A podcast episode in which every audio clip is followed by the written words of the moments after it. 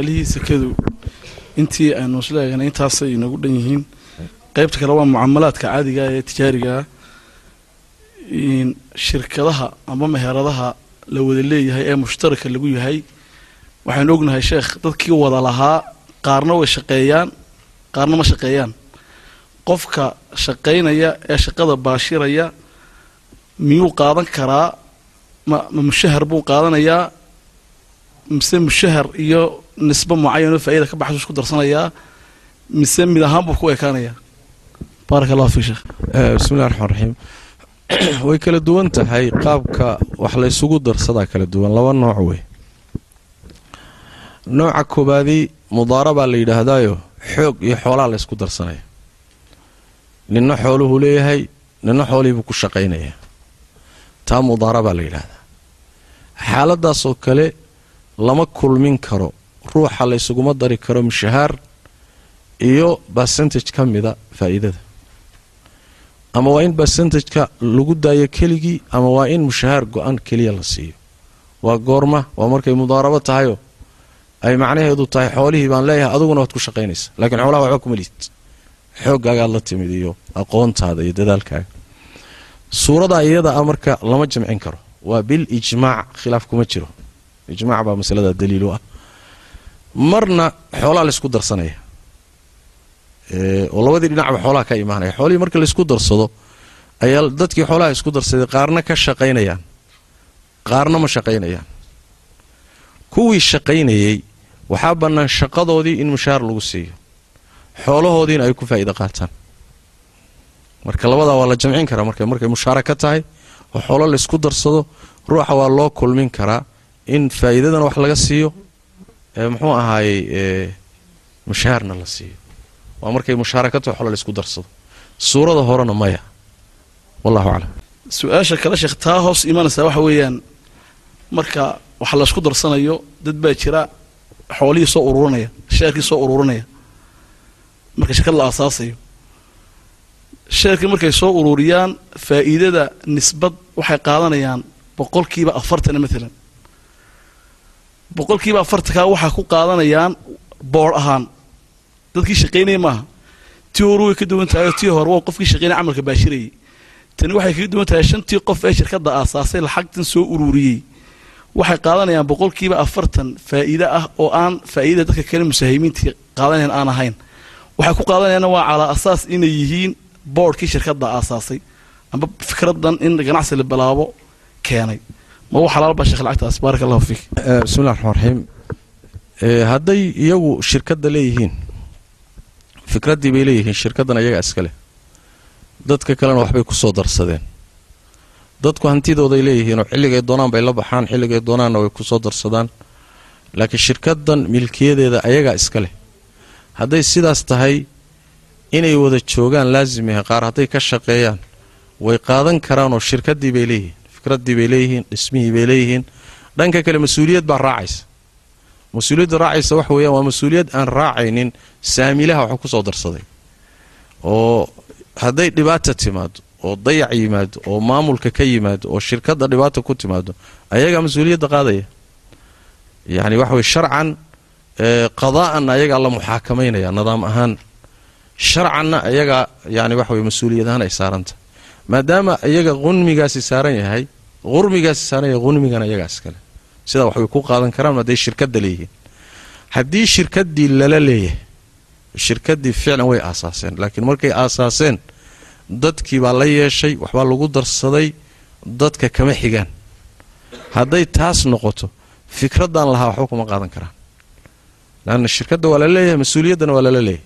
Mar haddii lala yeesho waxay wax ku qaataan meesha kuma jiro marka waxay isu bedelaysaa wax loo yaqaano fiqigan hadda mucaasirka waxa la xisatu ta'siis baa la xisatu ta'siis waxaa la yidhaahdaa khidmad baan u qabtay shirkadda. Khidmaddaan u qabtay xoolo ma ahayn laakiin maalan hawl baan u soo qabtay waxbaan u ururiyey xafiis baan wax uga dhameeyey laysan u soo bixi waaye baan u soo saaray. Khidmad mucayana u qabtay shirkadda. Khidmaddaasi shariig kuma noqon kartid. Khidmadda shariig laguma noqdo. Shariig waxaa lagu noqdaa hanti raasamaal meesha ku jira baa shariig lagu noqdaa. Taasoo kale marka hadday dhacdo waxaa la samaynayaa ruuxu khidmaduu qabtay. Markaa uu qabtay baa la qiimaynaya marka la qiimeeyo hanti baa loo bedelaya hantidii lagu bedelay ee lagu qiimeeyey baa shirkadda ugu jirta. Sidaasuu ku faa'iida qaadanaya. Laakiin keliyata khidmad baan qabtay khidmaddaan qabtay baan shirkadda shariik kaga ahay oon ku faa'iida qaadanaya waxaa la yidhaahdaa waa waa saamile aan muxuu ahaayey aan xoolaha waxba ku lahaynoo qaadanaya faa'iida qaadanaya. Biitifaaq culamaai mucaasiriinta waa diidan yihiin xataa qawaaniinta duwalka in badanoo ka mida way diidan yihiin oo yani xisatu ta'siis baa la dhahaa. Marka hadday masaladu tahay aniga ta'siiskii baan wax ku lahaa. Shirkadduna dadka igala dhaxaysa. Laakiin maadaama aan ta'siiskii uun lahaa baan wax ku qaadanaya maya. Taas ma soconayso laakiin hadday shirkadda uu leeyahay mas'uuliyaddana qaadayo marka dee shirkaddii iyagaa iskale dadkii ay xoolahooda ugu shaqaynayeenna waxay ku heshiiyaan baasanti mucayana way ka qaadan karaan.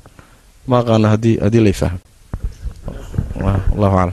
Baaraka allahu fiik sheekh su'aasha kooyo tobnaad sheekh waxa ay tahay waxaa ka jira magaaladan suuqa ganacsiga waxa la yidhaahdo xaqal miftaax oo macnihiisu yahay ninbaa meherad townka ku taalo meel fiican ku taalla guri meel fiican ku yaalla buu leeyahy dukaan baa ku jira dukaankii wuu sii kacayaayo uu sii dabayariyey qof buu la soo heshiinayaa wuxuu ka qaadanayaa lacag mablaq mucayana oo ah inuu ugu banneeyo guriga. Isagoo qofkii guriga lahaana labadu way dhacaan inuu og yahay iyo inaanu ogeyn. Marmarna waxaaba dhacda qofkii guriga lahaa laftiisa in xaqal miftaaxa waxaa lagu magacaabo la siiyo oo laba qof ay u wada yimaadaan guriga inay wada karaystaan doonaya. Oo midna uu idhaahdo harkii gurigana shan kun oo dollar baan kaa siinayaa shan boqol baan kaa karaysanaya. Midna uu idhaahdo shan boqol baan uu kaa karaysanaya lacag hadda aan bixiyo ma hayo. Dabeedna uu qaato kii shanta kun ee xaqal miftaaxana siinayey shanta boqol ee kiradaana siinayey masaladaas waxay ka mid tahay sheekh masaa'ilka ugu badan ee suuqa ka jira dadkuna dhinacay u qaadaan ay garanlan yihiin. Baaraka allahu fiik sheekh. Bismillahi raxmaan raxiim masaladaas xaqulmiftaaxaas soomaaliya u taqaana waxaa kaloo la yidhaahdaa badalulkhuluwina waa la yidhaahdaa. Badalulkhlaa ama khuluwina waa la dhahaa. Waa masala khilaafiya bayna alculamaa. Laakiin waxay u badan yihiin culimada mucaasiriinta inay bannaan tahay bishuruud inay shuruud ku bannaan tahay haddii la helo. Waxaa ka mida rag dad ka hadlaya majaamicda fiqiga majmuc alfiqi alislaami ayaa ka soo saaray fatwo ka soo saaray. Buxuud badanna waa laga qoray. Shuruudda ay ku bannaynayaan waxaa ka mid ah horta dukaanka ama muxuu ahaayey stoorka ama maxalka tijaariga ah ee la iibinayaay waa inuu macluum yahay. Macluum inuu yahay waxaa laga wadaa bimacnaa ama waa inuu markaa shay la arkayo taagan oo indhuhu qabanayaan yihiin ama hadduu yahay shay weli aan dhismin oo waxaa dhacda xataa gurigii wali la dhisinba. In dukaamadii laga sii qaato furo laga sii qaato soo ma jirto? Hadday taas tahayna waxay yidhaahdaan waa in guriga uu naqshadiisu iyadoo cad dadka la tuso oo dukaankiisu meeshuu kaga yaallo iyo inta baaxaddiisu la egta iyo dherar intee la egyahay waa inuu macluumaad kaamila uu ka haysto. Marka waa inuu dukaanka horta cadya maxalku waa inuu cadya oon jahaala gelin waa mid. Waa midda labaade ruuxa iibinayaay waa inuu yahay ama milkiilihii guriga lahaa. Ama milkiilihii guriga lahaa mid ka qaatay laakiin haysta agreementi wakhti leh. Heshiis wakhti leh oo meeshan inuaan laga saari karin oo manfacadeeda uu leeyahay waa inuu haysto. Hadduusan milkiilihii guriga ahayn. Hadduu milkiilaha guriga leeyahay xor way isagu wakhtiguu doonuu kula heshiin karaa wuu qaadan karaa. Laakiin hadduu yahay ninkii ka qaatay asagoon haysanin agreementi ama heshiis muddo ah ma gadi karo. Sababtu wax weeyaan haddii maanta intuu dadkii furo ka qaato berri laga saaro. Bima ta'kulu maala akhiika waaya maxaad iibisay? Yani maxaad ku qaadatay xoolaha waa inay markay jirto sanad laba sano shan sano toban sano ood adiga qoraal ku haysato xaq u haysato in aad xaqan leedahay. Beycul manfaca la yidhahda marka manfacadii baad iibsanaysa. Manfacadii muddadaasuu isaguna isticmaalaya. Isagaa xaq u leh marka lama saari karo xataa ninka guriga iska leh waa inuusan awoodu lahayn muddada iyada uu ku saari karayo shardigaa in la helan waa laga maarmaano. Waxaa la ilaalinayaa waxaad iibsanaysa waa inuu yahay manfaco macluuma. Manfacadaasna markaa waa inay milkigaaga ku jirto. Ruuxan kaa iibsanayana waa inuusan berri ayna ka lumayninoo inuu intifaacsado waa in damaanaad uu markaa haysto. Waa qodob kale. Qodobka saddexaad waxay leeyihiin waa inay curfi iyo caado tahay. Waa inay dhaqan ganacsi oo meesha ka jira ay tahay haddayna dhaqan jira ahayn oo curfi ahayn iyadana lama ogolay masaladaasi marka hadda keliya ma ahayne markii hore waxay ka bilaabatay taqriiban muddo aan u malaynayo waqhti inuu ka soo wareegay ayay bilaabatay oo waxay ku bilaabatay waxa la dhihi jiray awqaaf islaami ah. Awqaaf ay dowladihii islaamiga gacanta ku hayn jireen ayaa lagu bilaabay. Markaasay culimmadu ka hadleen culimmada madaahibta fiqiga. Intii badnayd way banneeyeen qolyahan hadda joogana intooda badan way bannaynayaan shuruudaha haddii laga helo. Haddii shuruudaha la waayo marka waxay noqonaysaa inaysan ayna bannaanayn. Wallahu aclam. Markaa sheekh kan isiguu ku jiray ee sii baxayey de waa la garto waa nin sii kacay oo la sii kabayo. Kan guriga leh ee mulkiilihii guriga ah lacagtan shuruudaha marka laga helo xaqal miftaaxa ah ee uu qaadanayo iijaarka ma xisaabsana. Iijaarka ma xisaabsano shan wax la sii iijaar la qadimaya maaha lacagtan waa manfaco qofkani uu iibinayo qofkan laakiin ka baxaysa aan meelna ugu xisaabsanayn. Marka ruuxu xaqal laga qaato iyo markaan laga qaadanin kiradu way kala badan tahay saasaa caadatan aan naqaana oo maalan markii furo lagaa qaato dukaankan maalan waxaa lagaaga kiraynayaa maalan boqol dollar. Markaan furo lagaa qaadaninna waxaa lagu kiraynayaa boqol iyo konton oo kaleeto. Curfiga annaga xagga nagaa ka jira waa saas. Inta badan ee masalada marka laga hadlayana qaabkaasay uga hadlaan culimmadu midda labaadi waxa weeye waxaa ka jira intifaac iyo manfaca kala jirta. Waxa aad iibsanaysa waa manfacada. Manfacada waxaa la yidhahdaa markaad ninkii guriga lahaa aad siiso xaqulmiftaax wakhtina aad ku heshiisaan kaama saari karo. Kugumana dul iibsan karo. Awood uma laha darbiguu leeyahay laakiin muddada iyadaa intifaaciyo dhan baad gadatay. Xaq baad u leedahay inaad sii iibsato. Kuma diidi karo adaa xaq u leh. Yacni xasaanadaasay marka ku siinaysaa awoodday ku siinaysataa iyadaa waay baynamaa haddaadan bixinin xaq buu leeyay inuu ku yidhahdo warniyahu muxuu ahay iga bax oo muxuu ahay ruuxii dee waa iska jaa'is waay wuu jabin karaa. Laakiin hadduu furo kaa qaato furaha manfacadiisu waxa manfacadii dukaankaad iibsatay tasarufkaad iska leedahay haddaad doonto waad bixin haddaad dhimato waa lagaa dhaxli ma fasaqmayo. Haddii aad iibsan karto waad iibsan waxaasoo masaalixa waxaa ku siinaya furahaad bixisay. Ninkaan furaha bixinin intaa ma laha. Marka meeshaasuu gelaya. Iyo kiradii oo u dhimayo siday u badan tahay. Maqana meeshiina wax laga isticmaalo. Wallahu aclam. Intaan ogahay runtii dee ganacsatadana xogagaal iga sii ah. Bedelul khuluwi wuxuu dhex maraa waxa weeye waa musta'jirkii awalka ahaa iyo musta'jir cusub oo doonaya inuu galo. Weliba siiba markay muddadu sii dhammaanayso weeye. Inkastoo ganacsatadu iga xogagaalsan tahay halkan maaligu wuxuu qaatay wax diibaaji la yidhaahdo horumarina ayuu qaataa. Mararka qaarkoodna gurigii oo soconayo hadda la bilaabayo lacag lagu sii dhiso waa laga sii qaadaa. Oo taana iyadana waan ogahay. Laakiin miduu gaaro xaqal miftaax gaarahoo uu qaata ninka guriga karaynaya runtii anagu halkan isticmaalkeeda kumaan arkin isagoon xaqal miftaax bixinin hadduu shan sannadood kirayso xuquuqdii inay kiradii kira laazima darafayn tahay inuu maalik lilmanfaca yahay inuu xilliguu doono isagu hadduu doono cid kale ka sii kirayn karo miyaanu lahayn. Kira cadi hadduu kiraysto yacni oo muddo leh axkaam badan bay kaga gedisan tahay maalan hadduu dhinto. Hadduu dhinto soo ma fasaqmaya caqdigu fasaqmaya mogta ilan daraf buu ka ahaa. Laakiin tan way ka gedisantahay hadduu maalan wax weeyaan damco inuu bixiyo ninkii iska lahaa isagoon ka idan qaadan ma bixin karo. Gacan kale ma gelin karo. Kadaalika hadduu damco inuu sadaqaystaba ma sadaqayn karo.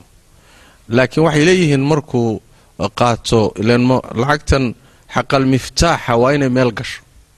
Waa inay manfaco mucayana ku aado sideedaba. Haddayna manfaco mucayana ku aadin waxay noqonaysaa xoolo xaqdarro lagu qaadanayo marka waa inay wax ka gedisan kiradii caadiga ahayd dadkii gelayay ee laga qaadaya kirada caadigaa iyo ruuxa furaha bixiyey waa inay wax ku kala gedisnaadaan. Haddii kala gedisnaantaa la waayo dee wax weeyaan markaas waxay noqonaysaa aklu amwaali naasi bilbaatil bay noqonaysaa. Marka waa in la helo manfaco mucayan ah oo lacagtan la bixiyey ee furaha ay ku aadayso oo qoladan kaleetay aan furaha laga qaadin ayna haysanin. Haddii taa la waayo markaasi khalad baa ku jira. Qaabka mucaamalada khalad baa galay. Waxaa jirta sheekh shirkadaha maxalliga ahi ee localkaa ama ganacsatada gudaha joogta marka ay debadda wax ka soo iibsanayaan. Shirkadaha ama masaanicda debadda ah. Waxaa jirta waxa la yidhaahdo xidhasho oo qofku qalinkaasu maalan debadda uu ka keenayaa masnacii qalin ka sameeyey amba shirkadii qalin ka samaysay ee debadda ku taallay ayaa wuxuu kula heshiinayaa in isaga mooyaane cid kale oo magaalada uu ka yimi amba waddanka uu ka yimi ka socota aanu ka iibin karin. Haddii qof kale uu soo iibsado oo uu dekeda ka soo dejiyo looma cashuurayo maxaa dowladda mucaamalo dhex maraysa ama jirta waxa leeyahay hebel ayay mucaamaladaasi u xidhan tahay isagun baana keeni karaa. May bannaan tahay sheekh in qofku uu horta marka hore uu xidho saa mucaamalada u xidho. Haddii qofkii uu xidhay may bannaan tahay inuu qof kale uu ka daba maro oo uu ka daba keeno. Iyadoo markii qaarkood ay soo gasho xiilad amba been ah qofku markuu yidhahdo kama iibinayo qof somalilan geynaya alaabta noocaasiya inuu yidhahdo jabuuti baan geynayaaba deedna hargeysa alaabtii lagu dhex arko bismillahi raxmaan raxiim masaladaasi waa masalada loo yaqaano ixtikaarka suwarkiisa suuro ka mida weye xadiidkii nabiga sal lla lay slam fi saxiixi muslim laa yaxtakiru ilaa khaati ruux wax kaydsada ama xaniibtaayey waa ruux khaldan wey. Xadiiskaasaa marka dood badani dhex maraysaa culimmada oo ixtikaarku waa inaad xanibato ama aad kaydiso ama aad ceshato wax markaasi dadku u baahan yihiin. Waxay marka isku khilaafsan yihiin. Ma waxay ku saabsan tahay keliyata daruuriyaadka asaasiyaadka nolosha bini aadamku ayna ka maarmin sida cuntada iyo cabitaanka iyo muxuu ahaaye labiska waxyaalahaasay ku saabsan tahay mise waxaa gelaya wax kasta oo dadku intifaacsadaan. Labada ra'yiba way jiraan oo yacni baaxihiintu hadda qoloba sibay rajaxdaa. Qolo cumuumkay rajaxaanoo wax kasta oo aswaaqdu u baahan tahay waa inay xor noqdaan oo meesha laga keeno iyo cidda keenaysa iyo yani waxa weyaan hebel bay u xidhan tahay. Xaaraan bay taagan yihiin qaarna waxay leeyiin waxyaalaha asaasiyaadka bini aadamka baahidiisa haddii waayo dhibaatada u geysanaysa bay khaas ku tahay ixtikaarku. Labadooda midii la yidhaahdaba haddii aswaaqda iyo suuqyada shaygan looga baahan yahay baahidiisa loo baahan yahayna xanibaadda ruuxan uu xanibaanayo dhibaato ay geysanayso ama ay khalaa iyo qaalinimo iyo ay keenayso. Wabittaali noloshii ay kicinayso oo mujtamacii ay markaasi dhibaato u geysanayso marka xaaraan buu noqonaya. Haddii shaygii asagu ha keeno waa loo baahan yahay laakiin waxaa jira sharikado kaloo laga keenaa jira. Suuqii dad kalena waa keenaan. Isagu mid buu ka keenaa laakiin dad kalena way keenaan tiisaasi marka haddii uu xaniibtiya hadduu yani wax muxuu ahay gooni isaga ku noqotaba suuqii saamayn badan ku samayn mayso. Hadday suuradu noocaasoo kale tahayna dhib ma laha. Oo markaasi wax weeyaan shurdigiisa iyo in loo ilaaliyo. Waa laga maarmaan. Oo markaasi dee wax sharci oo uu khilaafsan yahay oo uu jebiyeyna ma jiro. Meeshii isaga iyo dadkii hantida samaynaya ay ku heshiiyeenna waa in heshiiskoodii loo ilaaliyo. Oo muxuu ahaay shuruudihii isaga wax isku siiyeen inaan loo gacan dhaafin oo aan khayaani iyo waxay noqonaysaa markaa iyo muxuu ahaay khalad bay noqonaysaa. Haddiise isaga keliya uu keeno cid kaloo keenta ma jirto. Shirkado kaloo laga keeno ma jiro. Wixiina suuqa looga baahanya asagii baa xidhay xidhashadiisaasna waxay keenaysaa in suuqa darar ku yimaado. Oo ascaartu kacdo oo isaga ku tasarufo oo dadka cunaqabateeyo uu suu doono ka yeelo. Markaasoo kale dafcan lidarar wuu gelayaa xadiidka laa yaxtakiru ilaa khaati. Marka labadaas xaalo baa loo kala qaadaya wallahu aclam. Baaraka allahu fiik sheekh jasaaka allahu khayr. Su'aasha lixiyo tobnaad sheekh waxay ku saabsan tahay talkhiiska amba waxay hoos imanaysaa sarifka. Marka alaab qofka ganacsatada ah alaab ay dekeda uga soo degto qof wakiil u ah ayaa alaabta u soo cashuuraya waxaanu uga soo cashuurayaa lacag shilin somalilan oo lacagta maxalliga waddanka laga isticmaalo ah. Marka uu uga soo cashuuro ee alaabta qofkii ay soo gaadho qofkii amba maalin amba laba cisho kadib ayuu u imanayaa wuxuu ka qaadayaa lacagtii alaabta uga soo cashuuray qiimaheedii oo doolara qiimihii maalinta ay ahayd. Doolarkina hoosna wuu mari karaa korna wuu mari karaa. Maalintii alaabta ugu cashuuray labaatankii milyan ee shiina somalilanka alaabta ugu cashuuray doolarkeedii ayuu maanta ka qaadaya. Dariiqaas sheekh inuu sax yahay ama macamuladaas may sax tahay baaraka allahu fiik bismillahi raxmaan raxiim sidaa hadda su'aasha loo dhigay way khaldan tahay oo mucaamaladaasi ma saxsana. Khaladkuna wuxuu kaga jiraa camaliyatu sarfi baa ku jirta musaarafa oo haddana shuruudii sarfiga baa khalad ka jiraayo.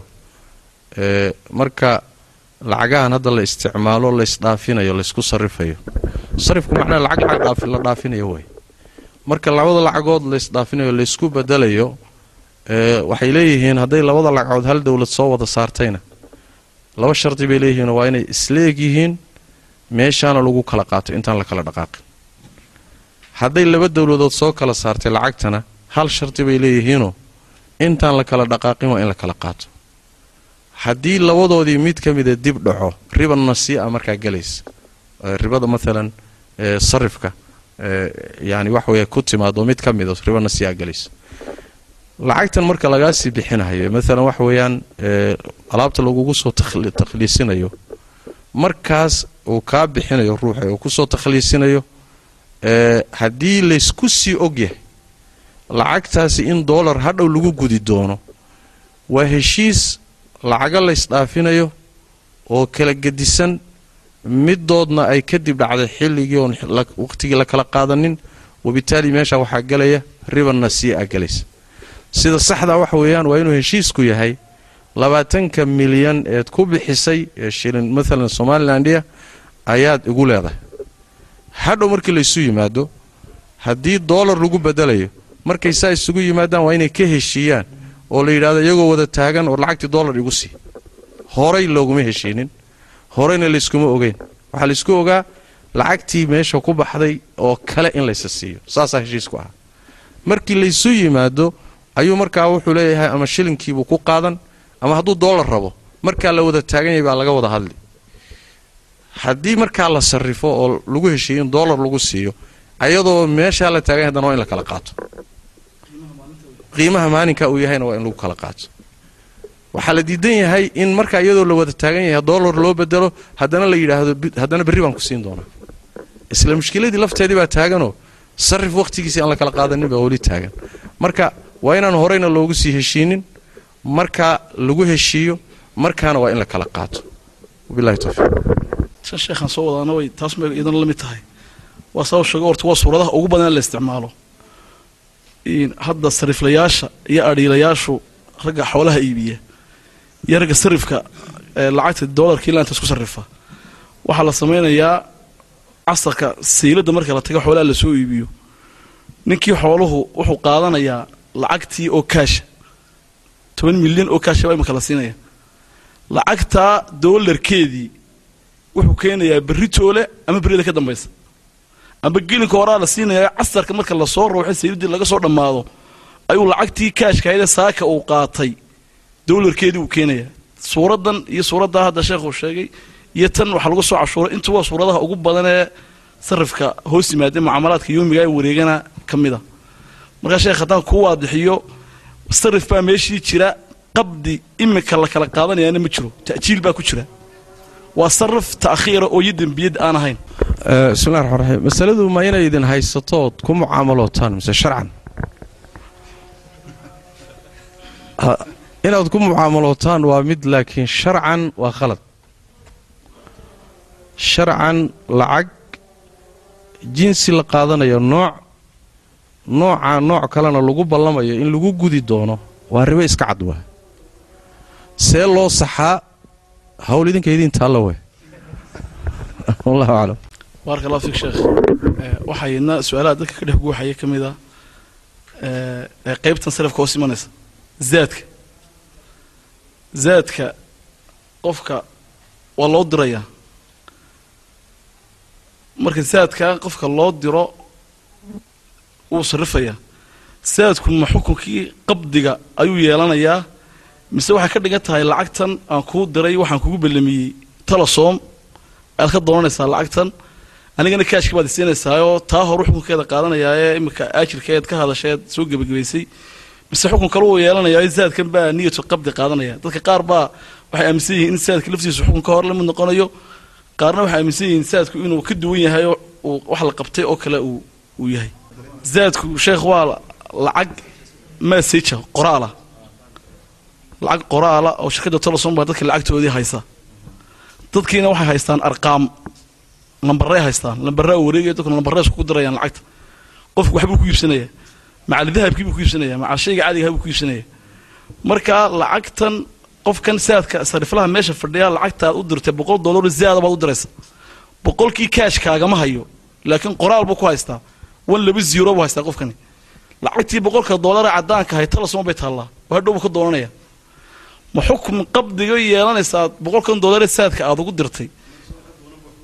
Amba isagoon ka doonan ba ku iibsan karaa ha isna kale u sii uu sii gudbin karaa saasay lacagtu u wareegtaa. Haddii laakiin kaash caddaana uu u baahdo waa inuu telesom tagaa shirkadda u tagaa marka ma xukunkii waxay qaadanaysaa mu ka baxaya xukunkii qabdiga gacanta lagu kala wareegayay markuu ninka masajku kalo lacagta gacanta uu ku dhigo. Bismillahi raxmaan raxiim waxaan u fahmay waa anaga embeesa waxaan aga ka dhahan u badinana embeesadii oo kale. Wax dhiba male waa taqriiban markii uu lacagta aad dirto qabdi xukmiyaa la yidhaahdaa. Adiga way kaa wareegtay mana soo ceshan kartid. Soo ma? Isagay ku soo wareegtay. Taqriiban waxay ka dhigan tahay akownkiisay gashay oo kale waay soo saas ma? Isagaasuu doona ugu tasarufi karaya marka waa qabdi oo xukmiya waay qabdiga xaqiiqiga lacagta gacanta lagu qaadanayay iyo qabdi xukmiyaa kale jira.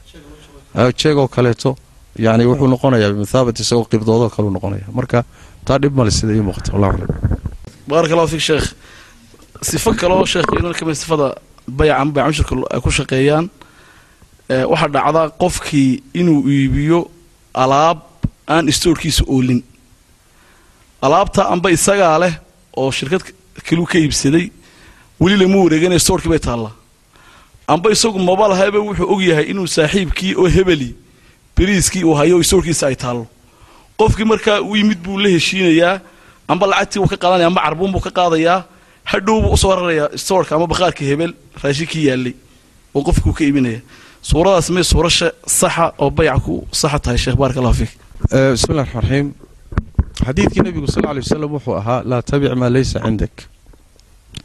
Waxaan agtaada aalin oodan la haysanin macnaha aan milkigaaga ku jirin ha iibinin haddii shaygu haba kaa maqnaadee uu milkigaaga ku jiro waa wax milkigaaga ku jiro waad iibin karta laakiin shay aan weli milkigaaga soo gelin oon damaanadaada soo gelin ma sii gedi kartid. Maxaa yeelay sharcan waxaa jira ribixa xoolaha waxaa iska leh ruuxa damaanada iska leh. Alkharaaju bidamaan xoolaha markii lahaanshahooda adugu aad yeelato oo hadday dhibaata ku timaado adugu aad khasaarayso markaasaad iibin kartaayoo ka faa'iidi kartaa. Laakiin xoolo damaanadoodu ay nin kale gacantiisa ku jirtaay ma gedi kartid oo kama faa'iidi kartid.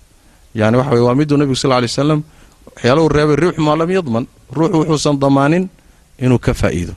Marka lama ogola. Allaahuma hal suuro haddii shayga aad tidhaahdo ma hayo waan kuu raadin. Muwaasafaadna aad siisa ruuxa. Waxaad ku heshiinaysaan sifaadka maalan sambal baad tusaysaa ama cayinaad tusaysaa badeecada noocana waa kuu raadin. Wakhtigaasaan kuu keeni. Muxuu ahay halkaasaan ku kala qaadanaynaa lacagtiina aad ka wada horumarsato marka waxay noqonaysaa beycu salam bay noqonaysaa. Waa beycu mawsuufin fi dimma markaa laakiin haddayna taa ahayn waxay noqonaysaa laa tabic maa laysa cindaka mana bannaana oo laftiisayba ku timidba xadiidka xakiim ibnu xisaam xadiidka xakiim ibnu xisaam rasuulillahi badeeca aan ahaynin ayaan iibinayaa kadibna waxaan ka soo qaadaya nin baan ka soo qaadaya. Sababta lafteeduba ku yimid xadiidka laa tabic maa laysa cindaka marka ma bannaana wallahu aclam. Markaa taasi waa haddaanu lacag ka bixin oonu weli mulkiyin haddii laakiin sheekh imika tijaarta waaweyn oo kale isoodhada ay ku leeyihiin berbera oo raashinkii yaallo ayaad raashinka iibsanaysaa barh baanaad lacagtii bixinaysaa. Markaan lacagta magaca ay ku qoran tahay markaa ma kala xukun baa marka aad iibsatay adiga ay kuu taallo meesha. Stoorkaaga ma taalla stoorkii taajirka aad ka iibsatay bay taallaa ma xukun baa marka aad lacagtii adigu aad iibsatay weli ayna ku soo gaadhin. Iyo marka aanad lacagba ka bixin inay stoorkiisa talaad ku xisaabtamayso kama gedisna oo waxay la mid tahay badeecada markaad iibisood aad milkido. Shardi waxa ah waa inaad la soo wareegto. La soo wareegiddu marka waxay ku xidhan tahay curfiga yacni ma jiro nasan qaabka wax loola wareegayo shareecadu ee curfiga unbaa lagu xidhay mooye qaabkee wax loola kala wareegaa. Muhim waxaa ah hantidu in ay ka baxdo damaanadii ciddaad ka gadatay oy damaanadaada ku wareegto. Maalan ama waad soo weriso bakhaarkaagii baad keentay. Hadday markaa dhibaata ku timaado adiga damaanadaadii ku jirta sooma haday ka halaabi ama me isla bakhaarkiisa laftiisa yaad alaabtaadii intaad xushay ood la baxday baad meel gooniya dhigatay. Halka aday kuu taallaa. Hadduu bakhaarku gubto aday kaa gubatay. Soo ma? Markaasoo kaleeto gooni bay kuugu saaran tahay adaa iskale waad gadi kartaa laakiin ayadoo ku dhex jirta ninkii aad wax ka iibsatay hantidiisii bay ku dhex jirtaa. Dukaamadan kunka waxaan u jeedaa muxua jawaanadan kunka ah. Midkaad ka leedahayna lama yaqaano yaa boqol baad ku leedahay lakiin boqolkaagii waa kee ma cadda markaa soo ma? Ma sii iibin kartid markaa ma sii iibin kartid. Waa inay gooni u baxdo damaanadaadana gasho. Ama aad rartood bakhaarkaaga geyso ama meeshiisaba ha aatee la fasliyo oo adiga damaanadaada ay meel kuugu taallo waa. Wallahu aclam. Su'aasha sheekh sideed iyo tobnaad waa su'aasha ugu hadalka badan leh magaaladan. Waa mucaamalaadka dhex mara ganacsatada iyo bunuugta maxalliga ee maanta waddanka ka jirta ee islaamiga ah. Waxa weeyaan sheekh qaabka suurado fara badan bay horta leedahay. Qaabka wax lagu kala qaato maanta baanka iyo ganacsado ay wax u kala qaataan. Laba suuro oo labada suuro loogu isticmaalka badan yahay oo aan isla soo eegan isla soo eegan ganacsado intii isheshay ayaan sheekh kuusoo gudbinaya. Wixii aan ka taganayo suurado kale ee jirana waa waa lagu biirin karaa amba aan qalloociyo. Qaabka sheekh loogu badan yahay waxa weeyaan la doonaya inaan aanu kala ogaano inay xalaal tahay inay xaaraan tahay. Qaabka loo macaamilo baanka in baankii aada u tagto. Adigoo ka doonaya lacag alaab guri aada ku dhistay maalan alaabta guriga aada ku dhisayso dukaankii hayay ayaad adigu tegaysaa adigaa la soo heshiinaya.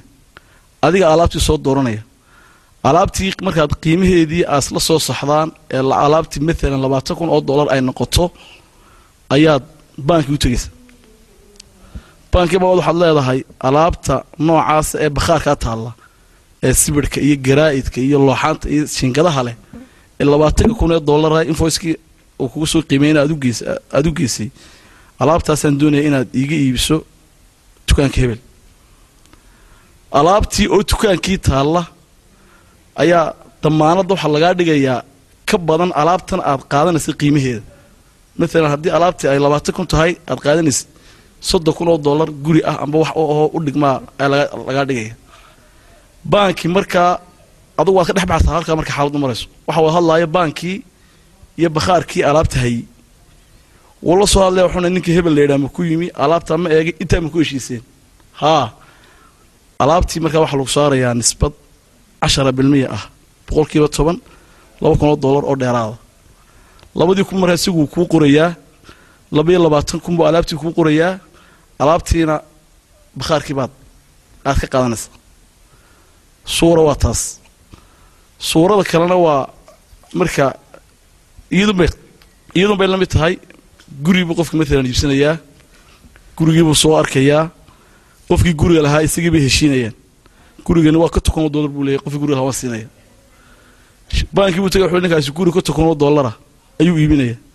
Nootaayadii heshiiskii lagu kala gelaya baa laysla imanayaa ninkii guriga iibinayey iyo ninkii iibsanayey. Gurigiina waa ka tokan oo dollar qiimihiisa baankii markaa gurigii shan iyo ka tokan buu maalan ninkan uu uu ku qiimeynaya gurigii.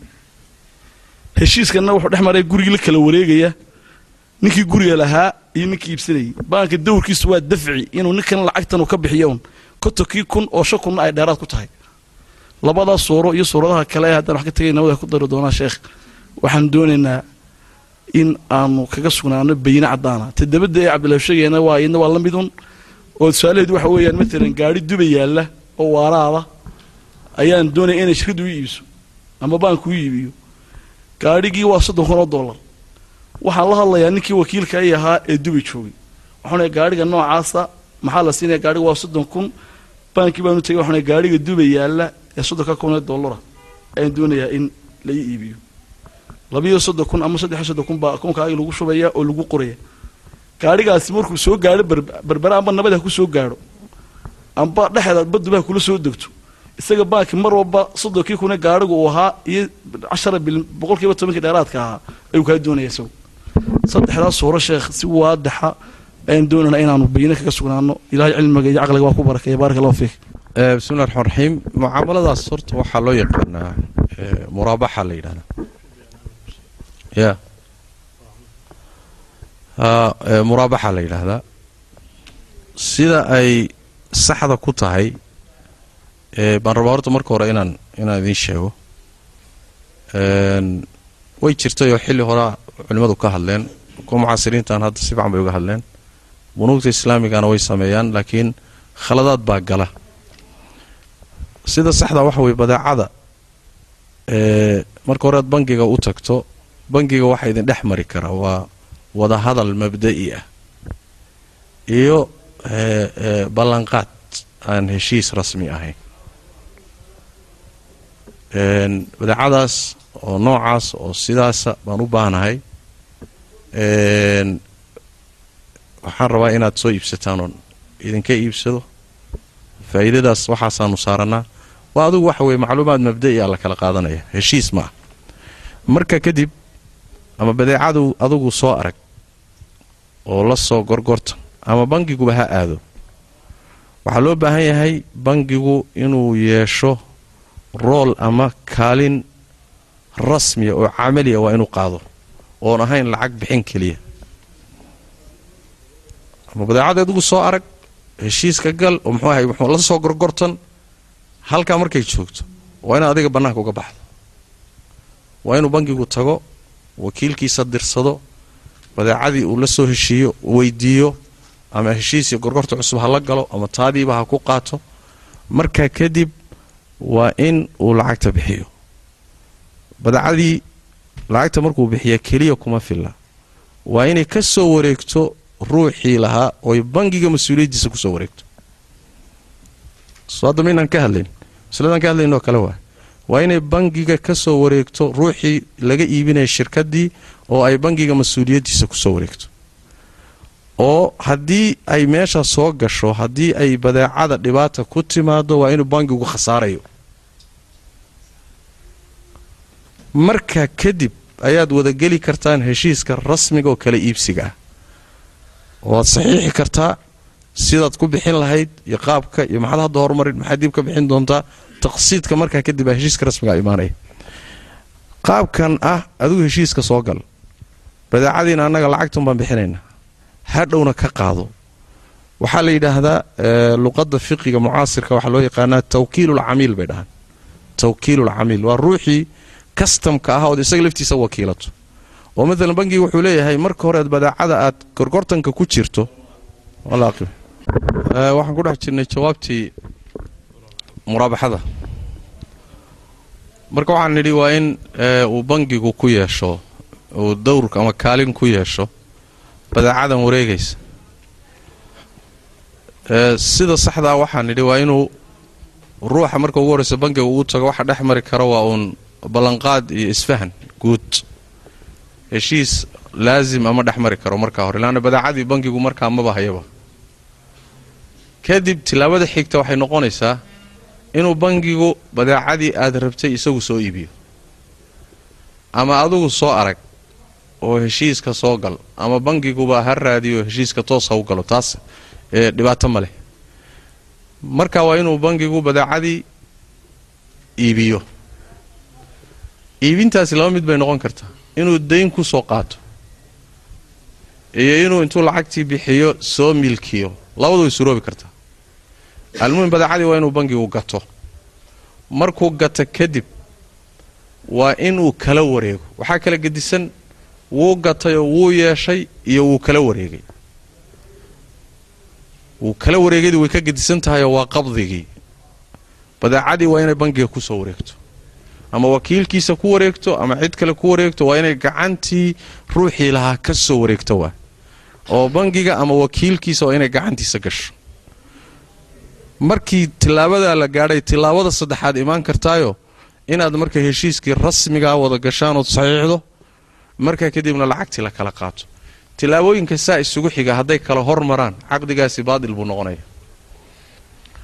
Taa waa qodob qodobka labaad oo ah ruuxii badeecada iibsan rabay ayaa bangigii wakiil ka noqonaya oo tawkiilul camiil baa la yidhaahdaa oo isagaa badeecadii soo arkaya isagaa la heshiinaya bangigu lacagtii buu dirayaa hadhowna isaga unbaa ka qaadan doona bangigu dowrkiisa iyo kaalintiisa lacag bixin keliya hadday noqoto arrintaasi waa ribo ama shubhatu riba baa ku jira leanna wax badan kuma kala gedisna bunuugtii taqliidiga ahaa iyo qaabkaasi wax badan kuma kala gedisna badeeca uusan bangigu yeelanin buu ka ribxayaa badeeca uusan la soo wareegin buu ka ribxayaa waxaa jira wax la yidhaahdo alfaslu bayna adamaanayn wax la yidhaahdo badeecadu saddex damaanay maraysaa marka ugu horraysa ruuxii iska lahaabay gacantiisa ku jirtaayo hadday dhibaata ku timaaday ka khasaaraysaa isaga damaanadiisay ku jirtaa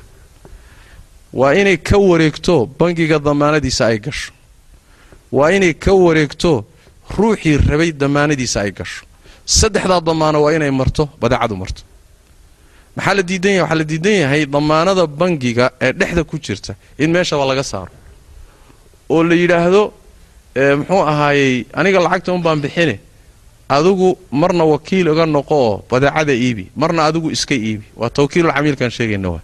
Anugu lacagta un baan bixinaya laakiin shaqo kuma lihi wakiil lama dirsanayo badeeca ma arkahayo taasi marka waxa weeyaan jamaahiiru culimmada mucaasiriinta way diidan yihiin. Majmucu alfiqhi alislaami baa fatwo kale oo qaraar ka soo saaray. Waxaa iyaguna qaraar kale nimanka la yidhaahdo ayofi ayofi waa muasasa la yidhaahdo. Waxaa la yidhahdaa muasasat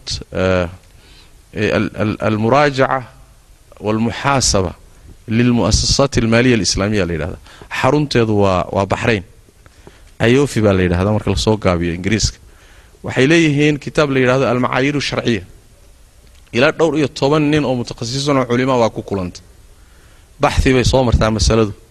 Qaraaraad baa laga gaadhaa ayagana waxay yidhaahdeen tawkiilul camiilka oo ruuxu inuu dabeecada rabay isagu iska iibiyo bangigu uusan sooba gelin xaalaad naadir ah.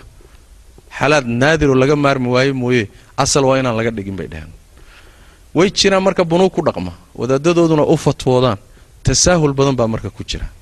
Mushkilada jirtana waxa weeyaan bunuugtan islaamiga ah bangigu sidiisaba waxaa la rabaa inuu khatar u diyaar garoobo riski. Shareecadeenna sideedaba riskiga ixtimaalkiisa iyo ribixa iswada hadduuna bangigu sinaba riski diyaar ugu ahayn dee seebuu ku ribxayaa waa. Waa bunuugtii taqliidiga laftoodii waay dayn buu bixiyaa dayntana wuxuu saartaa. Maba khasaaraba shareecadana waxa weeyaan labada kafadda labadeeda waxaan ujeeda miisaanka labadiisa kafadood waa inaad ixtimaal khasaarina karto faa'iidina karto. Labadaasi haddii mid meesha laga saaro mucaamaladu islaami maaha mushkilada jirtaa marka bunuugtan islaamiga ah wixii way kala koobiyeynaysaa waxaana la raadinayaa mucaamalaba mucaamalaeda ka bangiyo bangigu ka fudud yahayo kuwii ribowiga uga sii dhowya bunuugtani ma rabaan inay tacab galaan badaa'il badan oo sharcigaa la heli karaa oo haddaba badaa'il fara badan oo sharciga oo la darxinayaa jira ma rabaan. Tan fudud baa layska rabaa lacag un bixi waxna saaro. Adoo meeshaada joogo khalaas baashu ha ku maarata taranta un laakiin in suuqa la galo oo ganacsado la noqdo oo wax la raadiyo oo wakiil la samaysto ma ay rabaan. Riskigaasay marka cararayaan. Riskiguna waaba meesha la rababa in in muxuu ahay faa'iida laga raadiyo. Marka masale mucaamaladaasi waa khaldan tahay. Sida hadda aad u dhigteen way khaldan. Taa dibadda laga keenayo waa la mid. Taa dibadda laga keenayo bangigu hadduu isagu dibadda ka keenayo waa inuu riskiga qaato ilaa ay badeecadu ku wareegayso ruuxii ka iibsanaya gacantiisa ay gelayso. Haddii kale waa inuu sameeyo meesha badeecadu taallee dubay intuu wakiil samaysto oo wakiilkiisii badeecada la wareego adiga inuu wakiilkaaga ku wareejiyo. Oo markaasi dubay aad kula wareegto adiga aad soo rarato adaa riskiga qaadaya markaa. Haddii kale adigu soo rar riskigan adaa iska leh badda hadduu galo annaga lacagtii un baan bixinayna oo bangiga rabada adiga maxaa kugu dhexeeya marka maxaa idin dhexe waxba idinama dhexeeya marka mucaamaladaasi ma aqaano intaa ka badan inaan sharxi karo laakiin inahaasaan muxuu ahay haddii uun aad meel leedihiin ha lagu noqdo mooyaane intaasaan ka ayaan ka garanaya wallahu aclam baaraka allahu fiik sheekh jasaaka allahu khayr sheekhu sidii ugu waadixsanaydee aynu wada fahminay ayuu inoogu soo ururiyey tusaalana tusaalaalna weyna siiyey inaguna waynu wada ognahay waynu kuwada dheragsannahay waa ganacsi aan diyaar u ahayn khasaare oo mar walba inuu faa'iido doonaya oo isaga ayna waxba ka lumahayn sheekha waxaan ku celinayaa dad baa jira sheekh mucaamaladan ku mucaamalay oo ku jira oo sameeyey oo baashiray oo bunuugtii ka qaatay xoolaha caynkaasu mucaamalada noocaasee saxda aan ahayn ay dhex martay qofkaa waxaa laga yaabaa inay aqoon darro qaarkood ay ku kaliftay oo shubho ay ka soo gashay. Qaarna ay uba badrheedheen laakiin hadda ay dee taa'ibiin yihiin. Diyaar u ah inay wixii faraha ay kala baxaan. Maxaa markaa sheekh qofka noocaasi oo kale ah ee mucaamaladii baashiray hantina ku imtilaakay sababteeda hadda maxaa la gudboon? Sidee buu xoolihii nooca ahaa uga dhex safayn karaa xoolihiisii hadday can dariiqi shubha ahayd iyo haddii can dariiq camdi ay ahayd baaraka allahu fiik sheekh bismillahi raxmaan raxiim hadduu ruuxu ahaa ruuxan aqoon u lahayn mucaamalada inay shareecada khilaafsan tahay ama waa lagu khalday oo wadaaddaa fatwooday ama saasuba isaga qaatay isagoon aqoon lahayn markaasi waxay noqonaysaa faman jaa'ahu mawcidatu min rabbihi faintahaa falahu maa salaf wa amruhu ila allah. Waman caada fa ulaa'ika asxaabu nnaari hum fiiha khaaliduun ribadii marka laga hadlay marka wixii jahli ruuxa u geeya ama aqoondarra u geyso ee saag ku dhaca sidaasaa laysaga daayay. Lagama daba tegin. Laakiin ruux isagoo garanaya hadduu ku laabto aqoon leh markaasi ruuxaasi waa ahlu naar buu alla yidhi tabaaraka wa tacala oo markaa dee dembi buu galay soo ma? Marka waa kala qaadaynaa haddii aqoon darra jirtay markaasi wixii hore teg ifmina kama soo gaadhayo jahligaasaa loogu cudurdaarayaa mucaamaladii wixii ka dhashay natiijadeediina sideedaa lagu socodsiinayaayo waxba laga noqon maayo. Masale waa masaladaas. Haddii uu aqoon u lahaa oo isagoo garanaya inay khaldan tahay uu galay markaas mucaamaladu isagu ribadii waa laga qaatay oo isagaa bixiyey khaladka. Waxaa kala gedisan marna waxaa tahay mucti baa tahay marna aakhid baa tahay. Caqdigii wuu dhacay. Laakiin yaa ribada qaatay bankigaa qaatay. Adigana waa lagaa qaatay. Adiga badeecaad qaadatay soo ma? Badeecadii iyadahaydee khaladkaa kugu soo gashay haddii caqdigii la jabin karo oo la dhihi karo caqdigii jabiyo adeer badeecadii igala noqda lacagtaydiina ii soo celiya waa shibu mustaxiil ma suroobi karto. Soo ma?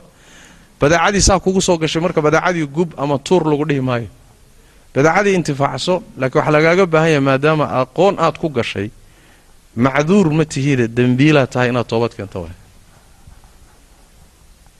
aad toobad keentide muxuu ahaayey muxuu ahay badeecadii sideedaada u isticmaalay ilaan awood aad hadda kaga noqoto ma lihid. Haddii la jabin lahaa awood ma leh.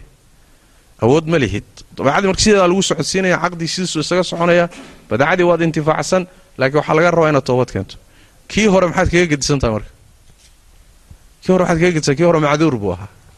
Aathim maba ahaba adiga laakiin macduur ma tiiro aathim baa toobad baa adiga lagaa raba wallahu aclam.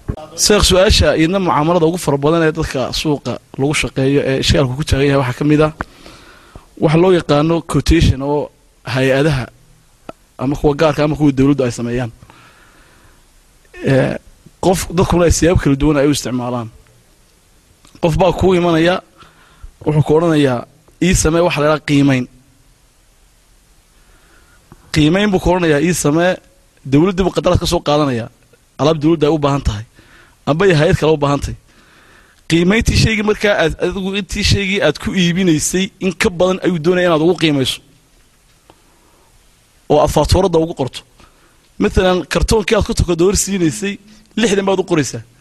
Lixdan buu dawladdii kaga soo qaadanayaa adiga wuxuu kuu keenayaa konton tobankii dheeraa calaa kartoonna isaga ayaa ayaa qaadanaya dad fara badan baa mucaamalada nocaasa ku shaqeeya markaa xukunkeeda oo waadaxa baaraka allahu sheekh bismillahi raxmaan raxiim waxay ila tahay laba laba laba weji bay yeelanaysaa.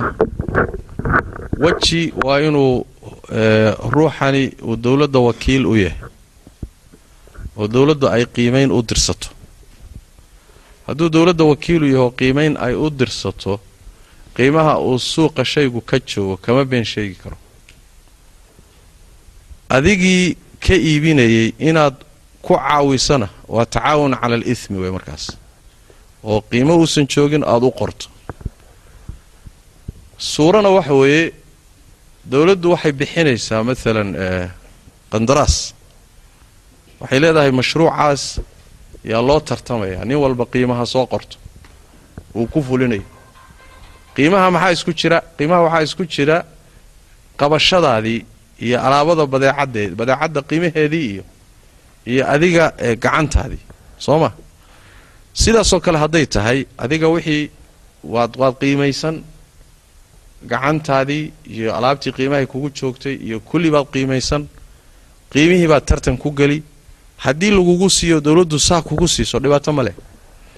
Leanna labaa wada socdoo keliyeeta markaa lagaama laguguma siinayo alaabtii noo keeno iska tag laakiin waxaa lagugu siinayaa wax iswata wax iswata baa lagugu siinaya waa masalada ay dhahaan muxuu ahaay waa istisnaac. Waa muqaawalo oo kale istisnaac baa la yidhahdayo waa caqdun calaa caynin wa camal. Dowladdu waxay kaa rabtaa inaad shaqana qabato. Shaqada aad qabanaysana cayn ka soo baxda. Cayntu ama mindib baad u tumaynaysaa ama gudun baad u tumaysaa ama waxaad u dhisaysaa guryaad u dhisaysaa camal baad se qabanaysaa camal aad qabanaysa ka soo baxaysaa istisnaac baa marka la yidhaahdaa oo way ka gedisan tahay salamka iyada waxbaa u dhexeeya cinda xanafiya iyo jumhuurta mucaasiriinta. Marka hadday sidaasoo kale tahay alaabtaad soo qiimaysatay ooy la socoto inaad shaqada qaban doonto mushkilo male dowladda khubaradeeda iyo dadkay u dirsatay baa kala shaandhayn hadday sidaa ugu qancaan. Wabilahi towfiiq waad qaadan waadna ka shaqayn. Taa marka waxa weye waa shaqo iyo aad qabanayso. Waa istisnaac. Waxbaad soo qoran haddii lagugu siiyo dhib male qiimaha aad marka badeecada ku keenayso eed leedahay badeecada ku soo qorayso ama wax saar ama suuqa ha ka joogto taa mushkilo ma leh. Laakiin haddaad dowladda wakiil u taho alaabta u soo iibinayso alaabta dowladda ku wareejinayso wakiil baad markaa tahay kama been karta waa inaad sida ay tahay adoon waxba ku darin. Aad dowladda u gudbisa waay. Ma aqaano haddaan haddaan haddaan fahmay. Wallahu aclam hoostaa laska sii ogyahay isaga iyo qofkii qadaraadka qaadanaysa sii og qofkii dadka kala saarayay iyo isagaasa sii og taa iyadaa de waxa waaye taa iyadaa isagoon mudnayn haddii uu hoosta laaluush iyo saaxiibnimo iyo isagoon xaq u lahayn hadduu galo. Taasi waxa weeyaan waa waa dulmi waay waa qaabku ku qaadanaya taasi khusaysa. Laakiin mucaamalada ma khusayso. Qaabka hadduu ku qaato dee waa khalad wey ama dad xaqle buu ka qaatay ama laaluush buu bixiyey ama weji buu isticmaalay dhankaa khalad bay ka tahay. Wallahu aclam. Labada su'aalada ugu dambeeya waxayse saaran yihiin waxay khuseeyaan ajinsiyada amba makaatiibta khadamaadka dadka u qabta. Kuwa fiisayaasha soo saara ama kuwa tikadhada iibiya iyo iqaamadaha waxaa dhacda sheekh qofka waxaa loo soo saarayaa fiisi ayaa laga iibinayaa fiise waddan dabadda ah qofka waddankaa dabadda ah jooga iyo qofkan gudaha jooga wada shaqaysanaya qiimi isku ogyihiin. Waxuunaya fiisaha saddex kun oo dollar ayaan ku soo saaraynaa saddexdaa kun oo dollar waxaa ku jira wixii wax lagu qabanayo oo dhan. Ilaa kan fiisaha soo saaraayo ilaa kan khidmadiisi ilaa kan khidmadiisi waxoo dhan baa isku wada xidhan. Qofkii gudaha joogay markaa wuxuu arkaya xafiiska haystay fiisahan inuu yahay fiise loo baahan yahay oo saddex kun iyo shan boqol laga siisanayo. Dabeedna saddex kun iyo shan boqol ayuu ku iibinayaa fiisiya saddex kun isaga laga doonayay. Oo weliba saddex kun isaga khidmadiisa ay ku jirto. Marka labaa dhacda inuu u sheego oo saddex boqol u sheego oo shanta boqolna dib ay u kala qaybsadaan iyo inuu iska aamuso shatan boqol in isaga u gaara ay noqoto qofkii halkaa joogayna intii ay ku heshiiyeen oo saddexdii kunna uun uu qaato. Shanta boqolna ay tahay culays fuulaaya un qofkii fiisaha loo soo saarayay ee miskiinka ah magaalada joogay yani waxaan u fahmay fiisada iyo kharashka ku baxaya soo saarideeda iyo waxaa shirka ku ah. Ninka halkan jooga iyo ka soo saaraya soo ma? Qiimo mucayana in la siiyana heshiis bay ku yihiin soo ma? Halkan ka fiisada iibinayana qiimo go-an bay ku heshiiyeen inuu ku iibiyo ninka xagga jira.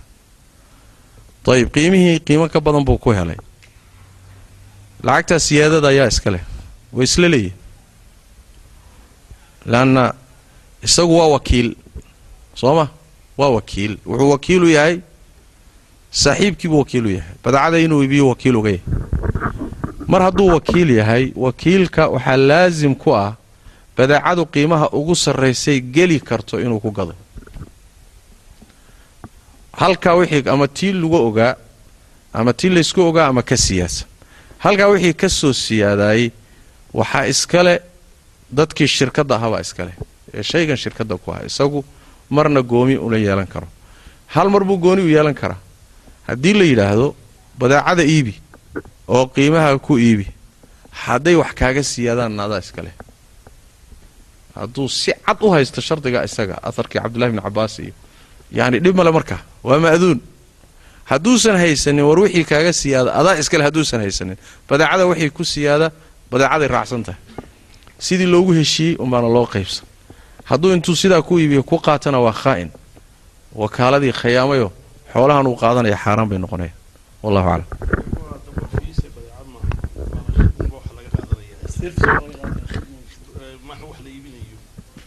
Khidmada laga qaadanayso mayn iyagu fiisada soo saarin iyagaa fiisada soo saaray. Waa manfaca soo ma? Waa manfaca. Marka manaaficdu acyaantay la xugum tahay marka aniga service baan kuu qabanaya servicesi baan kaa gadaya soo ma waa manfaco mucayana waay. Marka sida acyaantoo kale xukunkeeda qaadanaysa leanna waxyaalaha la gado waa manaafic iyo acyaan waay. Waana isku xugum inta badan. Wallahu aclam. Midda ugu dambeysay wayaan su'aashii ugu dambeysay qaybta anigoon hayay iyadna waxay la tacalluqtaa sheekh manfacaadka la kala iibsanayo waa iqaamadaha la kala iibsado iqaamadaha la kala iibsado inta badan waxa uga badan iqaamadaha dowladaha khaliijka sacuudiga iyo qatar iyo imaaraadka iyo iqaamadaha lagu iibiyo. Iqaamadaha laba qaab baa sheekh loo iibsadaa dadkuna aad bay ugu mucaamalaan soomaalida ahi. In qofku ku iibiyo dariiq shirkadeed amba uu ku iibiyo dariiq shakhsiyo caa'iliya. Inuu dariiq shirkadeedu ku iibiyo oo qofkii shirkad uu samaysto amba shirkaduu ka tirsan yahay qofkan ku soo saaro fiisaha inuu shaqaalo ka noqonayo. Qofkii iqaamadda uu ka iibinayay lacagtii iqaamadda uu kaga iibinayna isagu uu ka istilaamo. Shirkaddii uu ka shaqaynayeyna lacagtii ayna u xarooneyn oo isagu uu qaadanayo gaadkiisa u qaadanayo. Suuradda labaadna waxa weeyaan sheekh iqaamadda qofki wuxuu shirkad buu u shaqeeyaa shirkaddii waxaa loogu dhigayaa dowladdii waxaa lagaga soo qaadayaa in shirkaddani shaqaala ay u baahan tahay. Ofiisayaal toban qof oo shaqaalaha shirkadda inay u baahan tahay bilxaqiiqana shirkadda shaqaalo uma baahna. Ee waxaa loo baahan in fiisayaashii lagu iibiyo iqaamadahan in lagu iibiyaa loo baahan yahy laakiin dowladdii waxaa laga soo qasaarayaa fiisihii shaqaale shirkadda ay u baahan tahay. Waadix maa sheekh? Iyo ka soo saaraya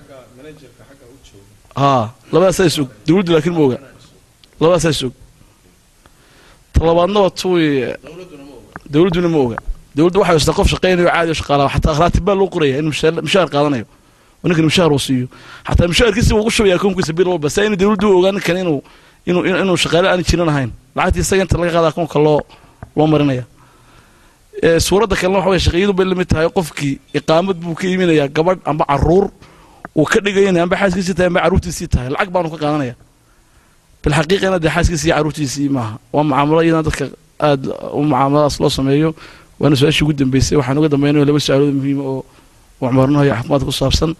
Maraa sheekh baaraka allahu fiik ilaahay cilmiga iyo caqliga baa ku barakeeyo. Bismillahi raxmaan raxiim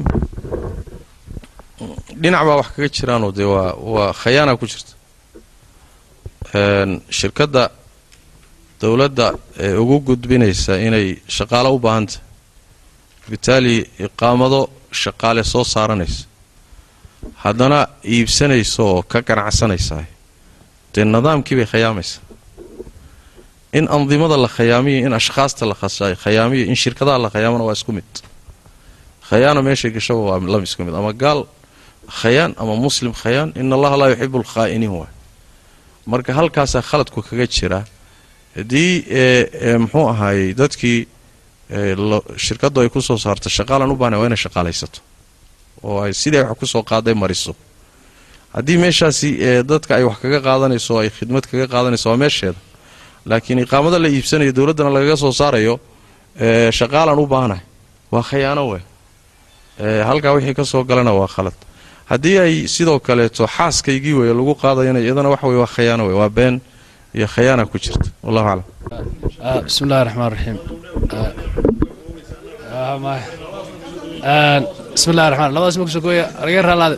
Mar hadduu sheekhu meel saf dheer inooga yimi inaynu inaguna si fiican uga dhergno ganacsigan caafimaadkuna dee waa arrin gaaro badeecadahan kale la mid ah. Marka sheekha wax baan u soo koobi lahaa laba arrimood. Mid waxa weeyaan waa dawada. Dawada anugu shirkadaha ganacsiga ee dawadana waa nahay. Dadkii professionalka ee caafimaadkana waa nahay. Marka dawada oo kale waxaa lagu sameeyaa dunida dawada waxa leedahay wax. Tan oo kale dawadaas intaasoo miligram weeye. Matalan shan boqoloo miligram weeye dawadu intaasay adduunka o dhan caanay kaga tahy laakiin waxaa jirta dawadii waxaa la tegayaa matalan oo kale dowladda dibadda dadku tegayaan ganacsatadii idna dawadii waxaa la sameynayaa barayskii qiimaha qofka uu macnii isaga uun markaa uu ahaa axsaanfalka ayaa loogu sameynaya dawadii dawadii oo shan boqoloo miligram ahayd in lagu in lagu keeno oo magaceedu ku qoran yahay ayaa waxay ka dhiman tahay miligramka loogu talagalay standardka. Taas waa taa dadna qofki waxa weeyaan miskiinka ama qofkii wax laga iibinaya dawadii wuxuu ku iibsanayaa iyadoo shan boqoloo miligram ay ku qorantahay laakiin micnuhu caynkaa maaha already qualityga marka hore qiimihii qualityga lamaad bixin waxaad iibsatay qiimo ka hooseeya tanna waa mid aan practical ku soo arkay oo iminkan indiya ka imaanu arrinta labaad waxa weeyaan xagga dhakhaatiirta. Qof baa kuu soo gelaya dhakhtarkii waxa weeyaan markuu soo fadhiisto dhakhtarka waxaa la doonayaa qofkan xanuunsanaya inuu eego wixii macnihii uu warbixintiisa ka hela mooyaane wixii kale caafimaadkiisa saboort garaynaya inuu shaybaadhaan ugu diro. Laakiin marka horeba warqad baa ag taalla laabkii oo dheera. Ilaa labaatan shaybaadh ku yaalin amba qaar way sii saxan yihinba ama markaasu wada saxaya. Qofkii madax xanuunka qabay iyo kii xanuunada badan ka cabanayay labadiiba waxa weeyaan shayba shaybaadh fara badan baa loo diraya oo qofkii unnecessary aanu hayn macnihii muhiimadu ahayn taasi waa taa ta saddexaadan doonaya shaybaadhka amba waxbuu ku leeyahay oo meel buu dirayaa hebel buu dirayaa oo shaybaadhka isla ogin amba isagaaba leba. Laakiin muhiimadda waxay tahay in qofkii xanuunkiisii hayay waxa kala badan wixii qofka matalan ma dee laga baadhiyay. Qodobka kale sheekhaan ugu dambaysiinayaan waxa weeye matalan oo kale dhakhaatiirta dawada markay qorayaan. Dawada waa laba noocun amba waxa la generigo. Dawada magaceeda asalka originalka ee adduunyada u taqaano. Ee macaamulaadka lagu macaamilo barismal barismal baa adduunyada o dhan looga yaqaana. Oo magaca chemical namekay ka samaysantahay midna waxa weeyaan magac generigaho kambaniyada waaweyn caalamiga sameeya ayaa ayaa maxay tahay brandkii bay leeyihiin brand name. Marka iyaga lagu tixgeliya maadaama dawadii soo saareen iyagu brand name bay iska leeyihiin brand nameka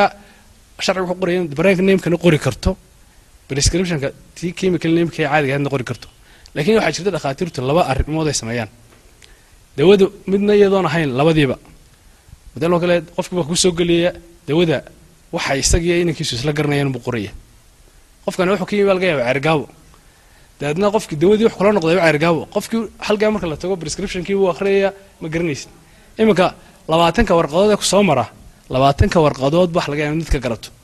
Because waxa weeyaan interestka ku jira waa inuu qofkii farmasigii ama meeshii mihaaradii dhakhtarka uu ka marka sheekh allah khayra siiyo intaasi waa inta ugu yaree weliba aan magaranaysa ay ku soo koobay xagga caafimaadka.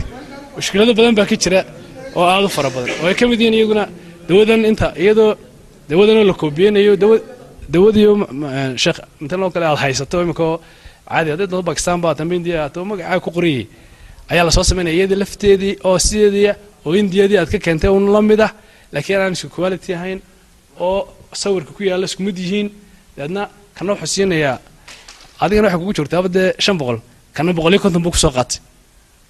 Arrimahaas markaa way badin sheekh bismillahi raxmaan raxiim waa masale iska cad wey masaladaasi oo dee waa waa waa waa halbeegii iyo miisaankii uun wax laga dhimeeyey kadibna isagoo dhammaystiran dadka looga iibinayo oo kale waa.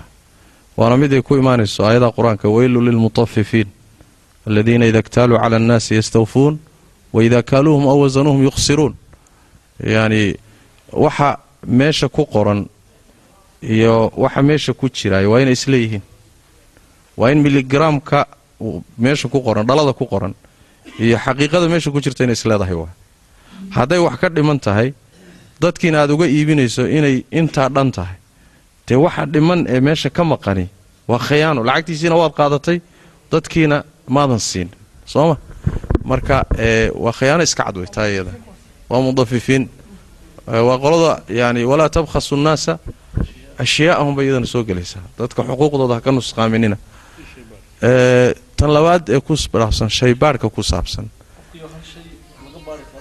Waa fahmay dhakhtarku waxaa la rabaa markuu dhegaysto muxuu ahay uu dhegaysto bashinta dhegaysto ama mariidka u dhegaysto baadhista uu u qorayaay waa inuu is leeyahay xanuunkiisan ayay saamayn ku yeelan kartaa. Wax aan xanuunkiisanba saamayn ku lahayn inuu ka baadhahay. Dee hadduu yidhaahdo si generaala ii baadh waa masaladeeda.